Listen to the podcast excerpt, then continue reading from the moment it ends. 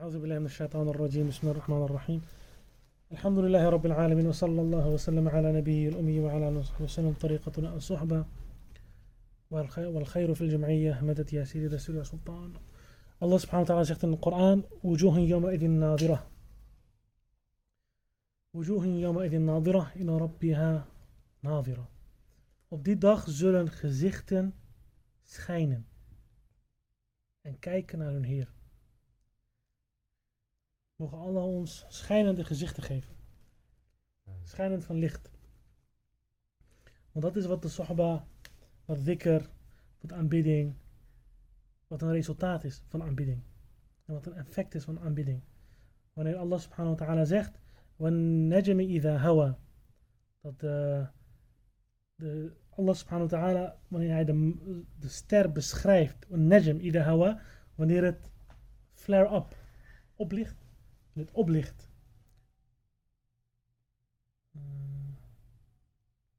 En in een andere ayah, Najm al-Thaqib, een andere, andere ayah, is volgens Qadr Ayat is dit een beschrijving van het gezicht van de profeet sallallahu. Het schijnende gezicht van de profeet sallallahu voor openbaring. Dus alsof het is, als het zo verlicht is, als, zo alsof het op het punt stond om te ontvlammen. Zoveel noer, zoveel licht in het gelaat van de profeet sallallahu alaihi. En in een tijd waarin men allerlei valse verhalen wordt verteld over het krijgen van mooie gezichten. Door middel van allerlei dingen, maskers, peels, wat allemaal vrouwen doen. Wat vooral op social media, Instagram, iedereen wil mooie gezichten hebben. Maar mooie gezichten is, het, is een resultaat van oprechtheid en aanbidding. Niet een, een resultaat van wat je eet. Ook al heeft datgene wat je eet natuurlijk effect op jouw gezondheid. En hoe meer iemand zondigt, hoe meer iemand dat pad van Allah af, afwijkt van dat pad, hoe meer dat te zien is in het gezicht. Misschien zeg je ja, maar er zijn zoveel mensen die niet op het pad van Allah zijn en we zien het niet in hun gezichten. Misschien nog niet. Misschien nog niet. Omdat vaak wanneer mensen jong zijn, hebben ze nog, want ze zijn nog dicht bij hun jeugd. Dan zit die, die, die jeugdelijke onschuld zit er nog. Maar hoe ouder ze worden, hoe meer het te zien is in de gezichten. Als je kijkt naar het gezicht van Molana Sheikh op 75-jarige leeftijd. Huid als van een baby. Noer en licht, net als van een baby, zo puur. En dat is wat wij willen. Want de noer, en dat is ook op de dag des oordeels zullen ze schijnen als manen. En dat is de noer die we zoeken. En dat is de echte schoonheid. En hoe bijzonder is die schoonheid? Het is ten eerste, het is noer. Jij krijgt er zelf vreugde van. Van die schoonheid. Je krijgt er zelf vreugde van en andere mensen krijgen de vreugde van door naar je te kijken. En zij krijgen er ook noer van. Je ervaart het in jouw hart. En hoe meer je aanbidt, hoe meer je ervan ervaart. En op de dag des oordeels is er alleen vermeerdering. Terwijl de wereldse schoonheid, vaak geniet je daar zelf niet van. Wie mooi is, wie mooi is moet pijn lijden. En vaak heb je de validering van andere mensen nodig, want het niet in het hart zit. Dus je bent er nooit blij mee. En het wordt alleen minder en op eigen kan je geen aanspraak doen op schoonheid. Dus wat is, hoe groot is het verschil tussen de schoonheid van het hart, de schoonheid van het gezicht en van noer en van licht en de wereldse aardse schoonheid. Mogen Allah ons schijnende gezichten geven, inshallah. En mogen Allah ons schoonmaken van zondes. Daarom is reinheid heel, heel belangrijk. Dat door rein te zijn, de tahara, de regels van reinheid te kennen. De regels van hoe we, want de, de, de Mekkanen, de niet-moslims, zeiden dan in die tijd al van, oh, deze moslims, de profeet vrede zijn met hem, leert hen zelfs hoe ze naar het toilet gaan. En de metgezellen waren daar trots op, ja, want de profeet sallallahu alaihi wasallam leert ons een volledige religie. Is een alomvattende religie. Daarom is het belangrijk, een van de eerste stappen is leren. Hoe reinig ik mezelf nadat ik naar het toilet ben geweest? Hoe reinig ik mijzelf als ik een grote of een kleine boodschap doe? Hoe reinig ik mijzelf als ik slaap en ik misschien iets heb gezien?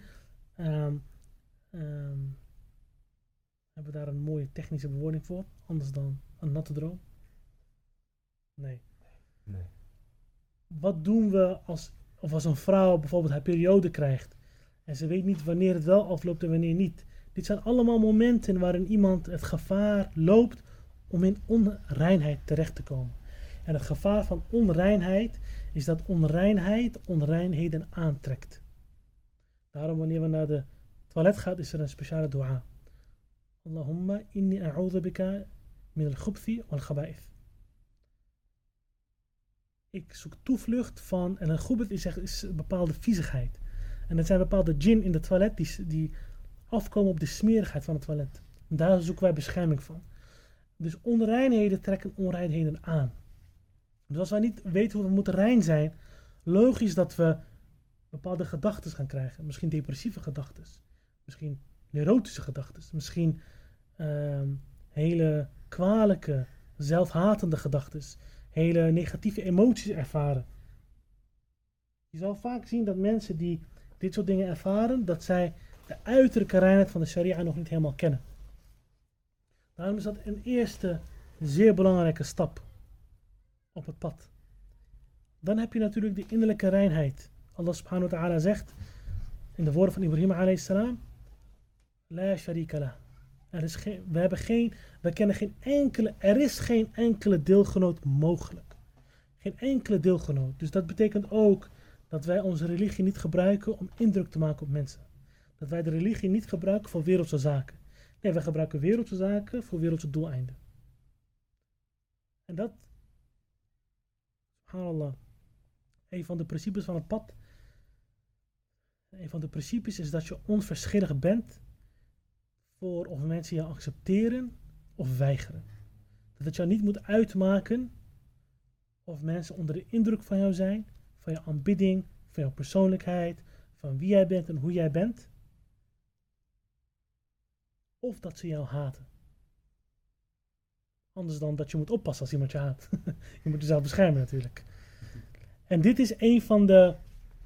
Subhanallah. Dit is een van de. Dit is een van de dingen die de celebrities van, deze, van vandaag de dag, de Hollywood mensen, dit jaagt op ze. Dit houdt ze wakker. Deze gedachte treitert hen, het terroriseert hun harten. En dat is, wat als de mensen mij niet meer interessant of leuk gaan vinden? In hun eigen bewoording zeggen zij, wij moeten jaren in therapie om dit uit ons hart te halen. Waarom? Omdat voor velen van hun is de reis naar succes geen gepaard met in hoeverre mensen, um, hoe, ver, hoe likable ze waren. Hoe, hoeveel mensen hun leuk vonden. Dat bepaalt hun succes. Of het nou een filmster is, of een comedian, of een muzikant. Dat bepaalt hun succes. Dus de meest succesvolle mensen, wat in wereldse termen nu mensen succesvol noemen, en naar wie heel veel mensen opkijken, hun definitie van succes, of hun succes is gekomen doordat mensen onder de indruk van ze waren. Dus wat hun hart terroriseert is, wat nou als de mensen mij niet meer interessant vinden? Dus daar waar ons spiritueel pad begint, daar komen zij aan het einde. Komen ze de terreur van hun ziel tegen. En subhanallah. Subhanallah. Want op het moment, en dat is het mooie aan de islam. Je plaatst Allah's tevredenheid voorop. Want als Allah met jou tevreden is, dan voel je dat. Als Rasulullah sallallahu tevreden met jou is, dan voel je dat. Dan straal je dat uit. Dan heb je dat, licht in je gezicht. En als de sheikh tevreden met jou is, dan voel jij dat. Dan heb je de validering van anderen niet nodig. En daar dus waar de meest succesvolle mensen, die wij meest succesvol noemen, worstelen nog met de meest elementaire dingen in het spirituele pad. En tegelijkertijd, ik zeg wel elementair, maar het is een van de dingen waar, waar de moslims vandaag de dag enorm om, uh, waar de moslims vandaag de dag weinig tijd aan besteden. Te weinig. Om mooie Koran-recitatie op social media zetten. Mensen worden onder de indruk van je. Jouw je beste kleding aandoen en laten zien dat je naar de moskee loopt. Al dat soort religieuze zaken. De zelf, de mensen van vroeger, vreesden. Zij vreesden enorm dat zij iets deden en een intentie kwam in hun hart om anderen te willen impressen. Om te willen zorgen dat anderen onder de indruk van hen waren. Dus subhanallah. Wij hebben het succes, het wereldse succes niet nodig, want het is alleen kwelling. Het is een weg van kwelling. En het is een weg van kwelling en het hiernamaals is er niks. Terwijl als je voor Allah's tevredenheid gaat, is er in jouw hart altijd vermeerdering en licht en verfrissing. En in het hiernamaals is er alleen vermeerdering. Inshallah ta'ala. Mogen Allah ons vergeven. Mogen Allah mij zegenen. Mij vergeven en jullie zegenen. Begin met de Habib, Muhammad al-Fatih.